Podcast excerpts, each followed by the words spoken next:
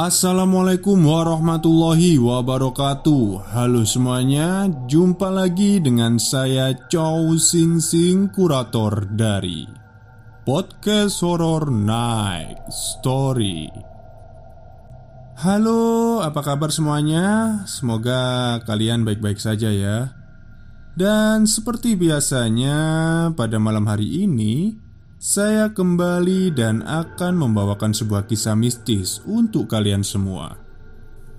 Kisah mistis kali ini datang dari seorang wanita bernama Anggun, nama samaran.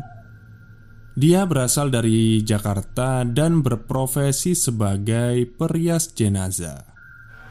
Seperti apa kisahnya? Mari kita simak. Halo, selamat malam Mas Chow Sing Sing dan teman-teman subscriber podcast Horror Next Story. Perkenalkan, nama saya Anggun. Saya berasal dari Jakarta.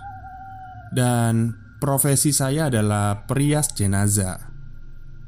Mungkin bagi sebagian orang, profesi saya ini seram ya Dan tidak wajar. Tapi kalau menurut saya wajar-wajar aja kok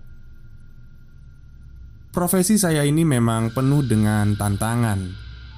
Apalagi, mohon maaf Jika saya dihadapkan dengan jenazah Yang mukanya sudah hancur.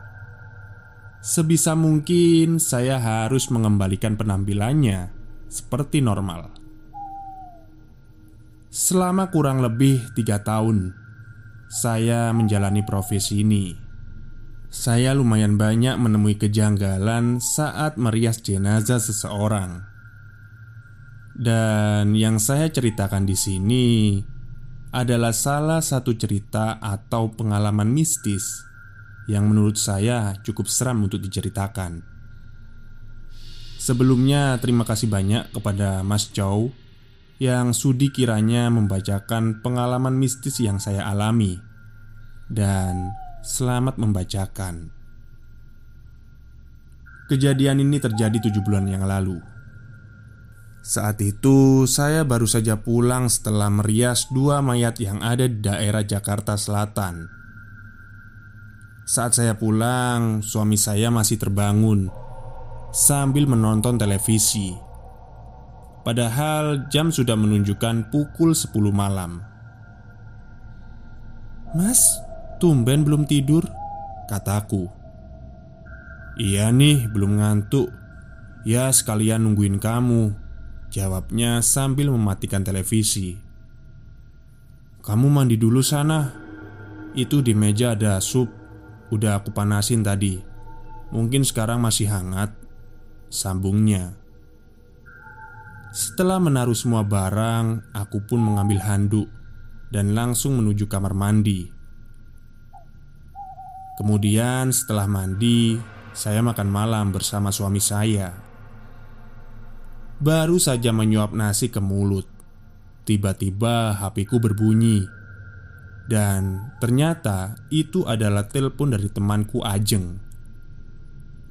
Saya pun mengangkat telepon tersebut dan berbicara sebentar pada Ajeng. Suamiku hanya bisa melihatku dan mengangguk-angguk saja.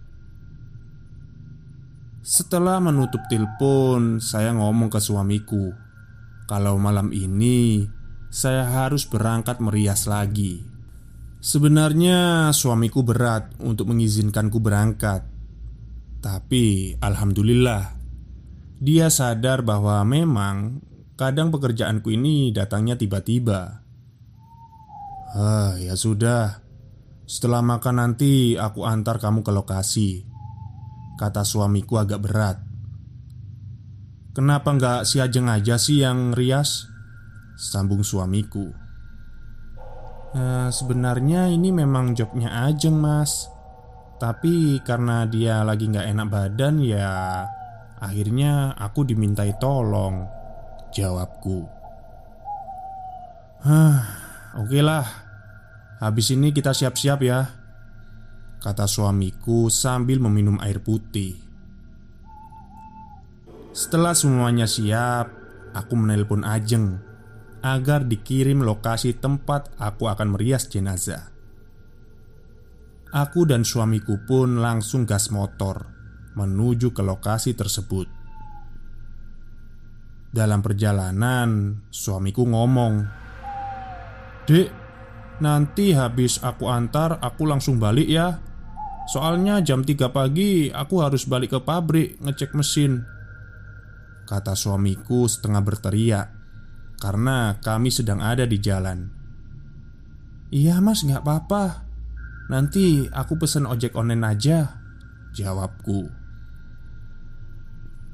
Pukul 1.30 Kami berdua sampai di lokasi Rumahnya terletak di sebuah perkampungan yang mirip dengan perumahan. Sangat sepi sekali saat itu. Ditambah lagi Langit yang sangat gelap Menandakan bahwa akan datang hujan. Ah, mungkin yang itu rumahnya Kata suamiku sambil menunjuk rumah yang ada bendera warna kuning Suamiku pun langsung menuju ke sana Di sana kami disambut seorang pria Yang merupakan suami dari almarhum Dan ada beberapa orang yang ada di dalam rumah itu Mbak Anggun ya? Sapa pria itu Sepertinya Ajeng sudah memberitahu akan kedatanganku pada pria ini. "Iya, Pak. Saya Anggun. Gantinya Mbak Ajeng." Jawab saya. "Saya Anton, suami dari almarhum. Mari, Mbak, Mas, masuk dulu minum-minum." Ajak pria itu.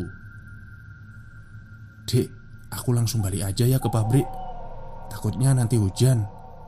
Bisik suamiku Mas saya langsung balik aja ya Soalnya nanti jam 3 saya mau ke pabrik.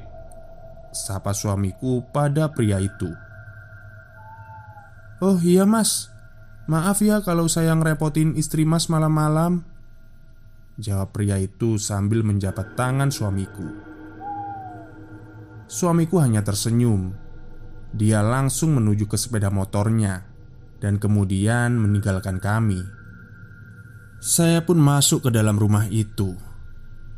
Rumahnya cukup besar, ada empat kamar, dua di bawah dan dua lagi di lantai atas.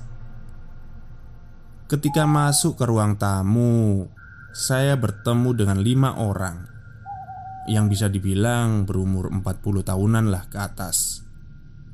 Mereka sedang duduk-duduk diam Dua pria dan tiga wanita Saya pun duduk sebentar dan meminum teh.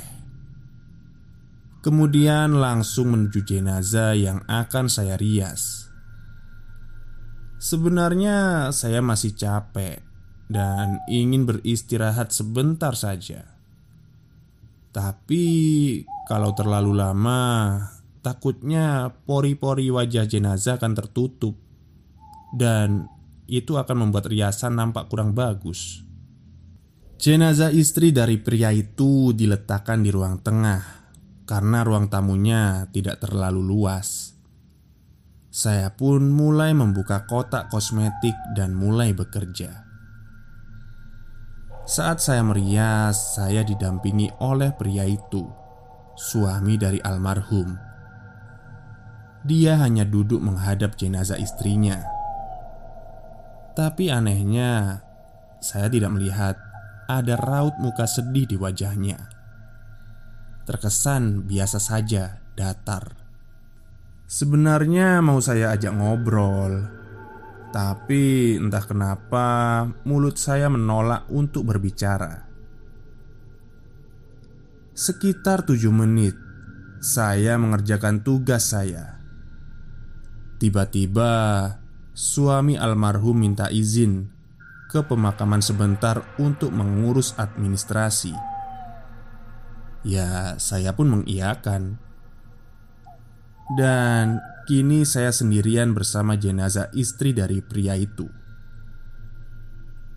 20 menit berlalu Dan benar perkiraan saya wajah dari jenazah sudah sangat sulit untuk dirias karena sudah terlalu lama. Saya beristirahat sebentar untuk sekedar meluruskan punggung. Kok sepi banget ya? Batinku sambil menengok ke ruang tamu. Saya pun berjalan pelan menuju ruang tamu. Dari jarak sekitar 2 meter, kulihat lima orang tadi masih duduk diam di sana. Gak nambah dan gak kurang. Apa tetangganya cuma itu-itu aja ya? Kok belum ada yang datang? Batinku. Kemudian saya memutuskan bekerja kembali.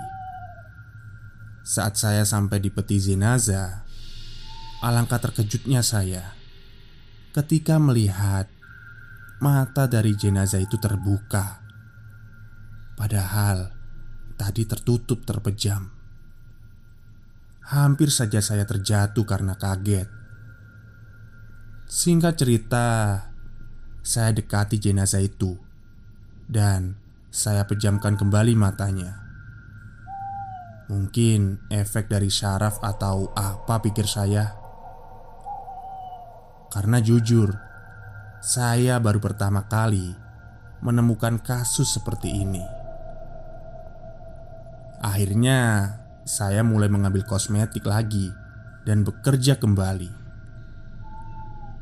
Dan Seperti yang kalian pikirkan Lagi-lagi hal aneh terjadi saat saya melipstik bagian mulut jenazah. Jari-jari saya merasakan hembusan nafas dari hidung jenazah. Saya langsung mengangkat tangan saya dan terdiam beberapa detik. Akal sehat saya mulai kacau melihat dan merasakan ini semua. Ingin rasanya saya memanggil salah satu orang yang ada di ruang tamu untuk menemani saya. Tapi saya nggak enak. Takutnya saya dikira penakut dan nggak profesional. Singkat cerita, saya melepaskan sarung tangan karet yang ada di tangan sebelah kanan dan kemudian mendekatkan tangan saya ke hidung jenazah. Singkat cerita, saya melepaskan sarung tangan karet yang ada di tangan sebelah kanan dan kemudian mendekatkan tangan saya ke hidung jenazah untuk sekedar memastikan saya berhalusinasi atau bukan. Dan ternyata ketika jemari saya sudah sampai ke hidung jenazah, saya tidak merasakan apa-apa. Saya bernafas lega. Ya, mungkin saja efek dari saya kecapean karena dari kemarin belum sempat untuk tidur. Singkat cerita, sekitar jam 3 pagi, saya sudah menyelesaikan pekerjaan saya dan berniat untuk beristirahat sebentar di ruang tamu. Dan ternyata lima orang itu masih ada di sana Duduk dan tetap diam. Tidak ada komunikasi di antara mereka. Saya pun permisi untuk ikut numpang duduk Dan menikmati teh Serta biskuit yang disediakan oleh tuan rumah Pak Anton belum selesai ngurus pemakaman ya bu pak Kataku memecah keheningan mereka hanya senyum, tidak menjawab pertanyaanku. Ya, akhirnya aku juga senyum. Sebenarnya, dalam hati aku sudah ingin pulang, namun sial, ternyata pakai data HP ku habis. Jadi, aku tidak bisa memesan ojek online. Akhirnya, aku minta tolong ke orang-orang tersebut Uh, maaf bu, pak Saya mau pamit pulang dan pesan ojek online. Tapi maaf, paketan data HP saya habis. Jadi, eh, boleh ya saya pinjam HP ibu atau bapaknya untuk saya pesan ojek online? Kataku meminta tolong.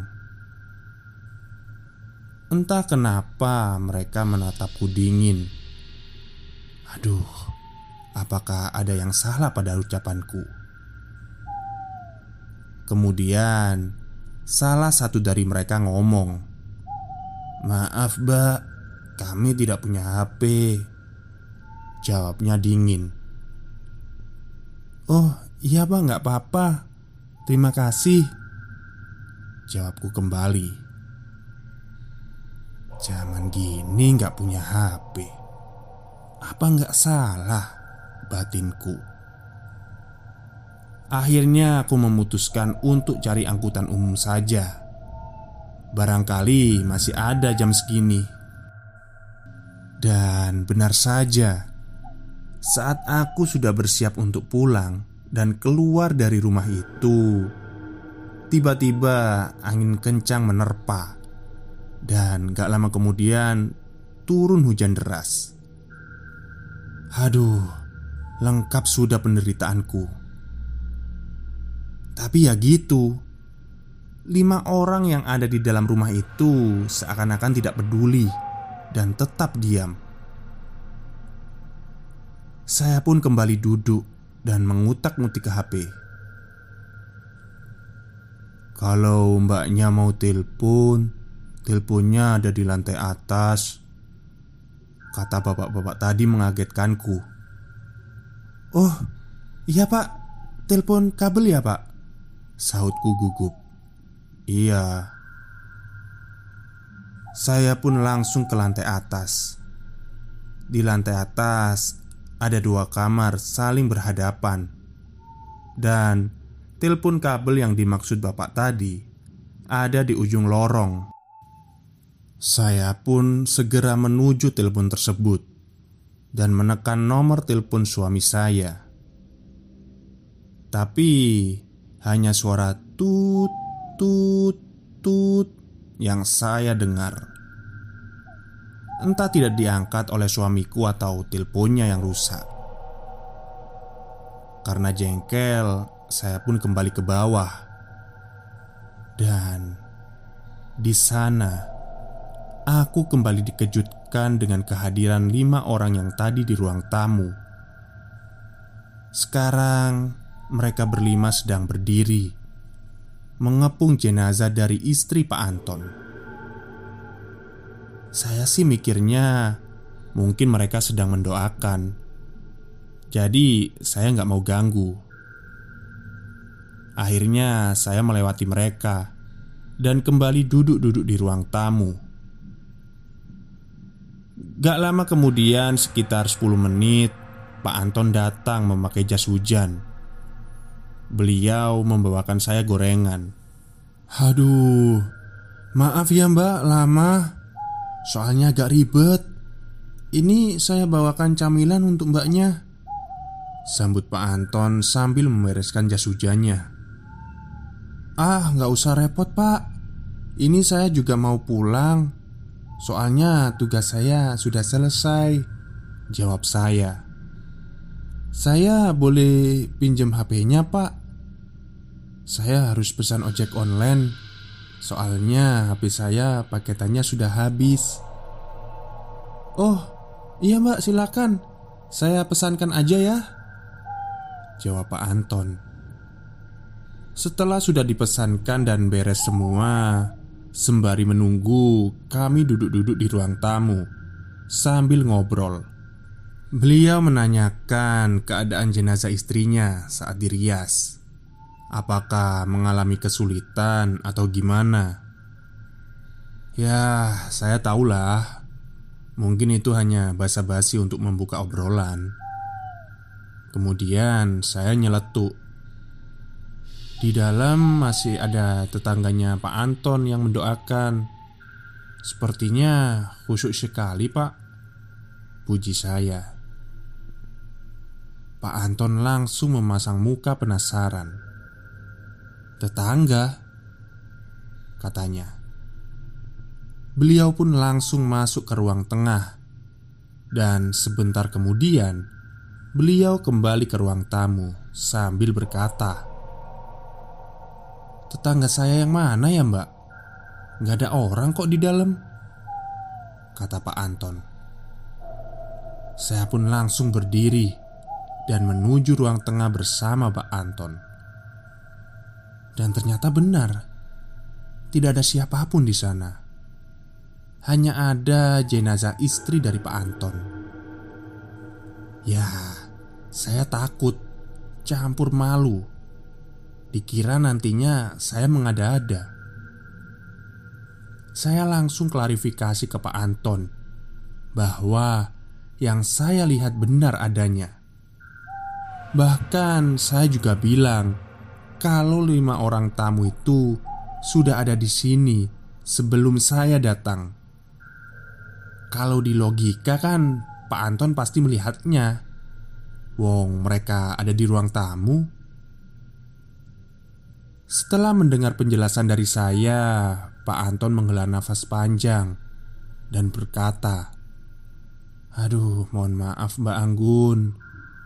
Tadi malam memang ada beberapa tamu Tetangga saya yang menengok istri saya Tapi Sebelum Mbak Anggun datang, semuanya sudah pulang. Hanya tinggal saya dan jenazah istri saya saat itu. Kemudian Mbak Anggun datang kan bersama istri eh suami. Tidak lama setelah mendengarkan penjelasan dari Pak Anton, terdengar suara sepeda motor di luar rumah.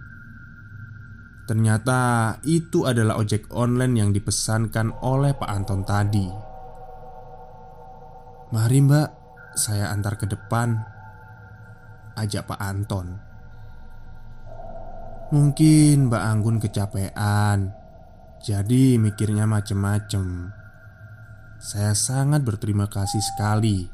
Karena Mbak Anggun malam-malam sudah mau datang Untuk merias jenazah istri saya uh, ini upah dari saya Dan ini uang terima kasih saya. Kata Pak Anton sembari menyerahkan dua amplop berwarna putih pada saya. Saya nggak bisa ngomong sama sekali. Ya mungkin ini efek dari apa yang saya lihat. Saya pun langsung naik ke sepeda motor ojol saya dan pamit mengucapkan terima kasih pada Pak Anton. Tiga hari setelah kejadian itu, Ajeng datang ke rumah dan bercerita masalah jenazah istri dari Pak Anton. Eh, Gun, kamu waktu ngurus jenazah istrinya Pak Anton gak menemui hal-hal aneh gitu? Tanya Ajeng. Ya, lumayan ekstrim sih. Jawabku singkat. Soalnya gini, Gun. Kemarin aku ke sana ke rumahnya Pak Anton. Ya, nggak enak lah, kan itu tugasku seharusnya. Di sana aku mampir, terus minta maaf kalau akunya nggak bisa dateng. Nah, kemudian waktu aku pulang, Aku kan mampir beli gado-gado di daerah itu. Ya nggak sengaja sih. Aku dengar obrolan ibu-ibu di warung itu. Katanya istrinya Pak Anton itu mati kena santet. Kata Ajeng. Ya mungkin itu saja pengalaman yang bisa saya share di podcast Horror Next Story. Lain kali saya akan ceritakan yang lain Terima kasih Mas Chow sudah mau menceritakan cerita saya. Oke, terima kasih kembali ya kepada Mbak Anggun yang sudah mau mengirimkan kisah mistisnya pada podcast Horror Next Story. Ya, mungkin saja bisa jadi ya, uh, korban ini disantet oleh seseorang, tapi yang masih menjadi misteri di kepala saya itu Siapa lima orang itu?